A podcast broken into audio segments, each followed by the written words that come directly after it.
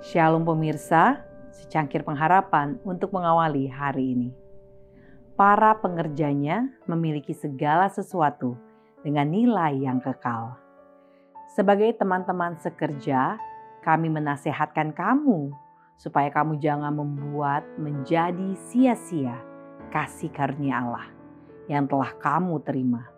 Sebagai orang berduka cita, namun senantiasa bersuka cita sebagai orang miskin, namun memperkaya banyak orang.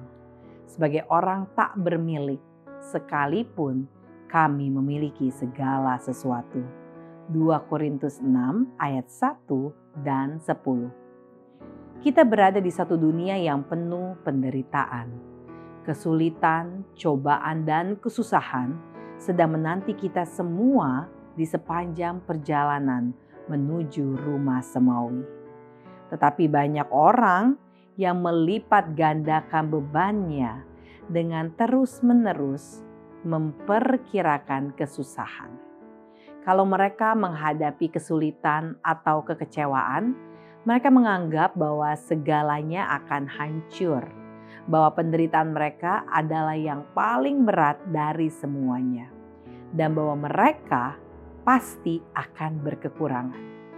Dengan demikian, mereka menyusahkan diri sendiri dan menyelubungi diri dalam bayangan. Hidup itu sendiri menjadi suatu beban bagi mereka, tetapi tidak perlu terjadi hal yang demikian.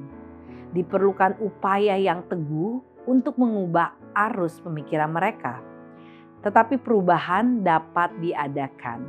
Kebahagiaan mereka baik itu terhadap kehidupan masa sekarang maupun yang akan datang, bergantung pada kemantapan pemikiran mereka atas perkara-perkara yang menggembirakan.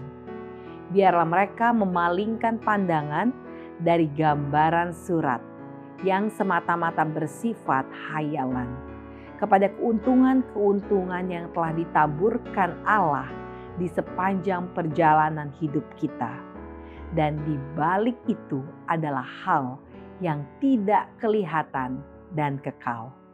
Hidup yang terbaik halaman 232. Semua orang yang mengejar perjalanan Kristus harus memiliki dan akan memiliki pengalaman yang hidup, yang baru dan menarik. Pengalaman hidup terdiri dari pencobaan, konflik, dan godaan setiap hari, upaya dan kemenangan yang kuat, serta kedamaian dan sukacita besar yang diperoleh melalui Yesus. Testimonies for the Church, jilid 2, halaman 579. Demikianlah renungan kita hari ini. Selalu mulai harimu dengan secangkir pengharapan.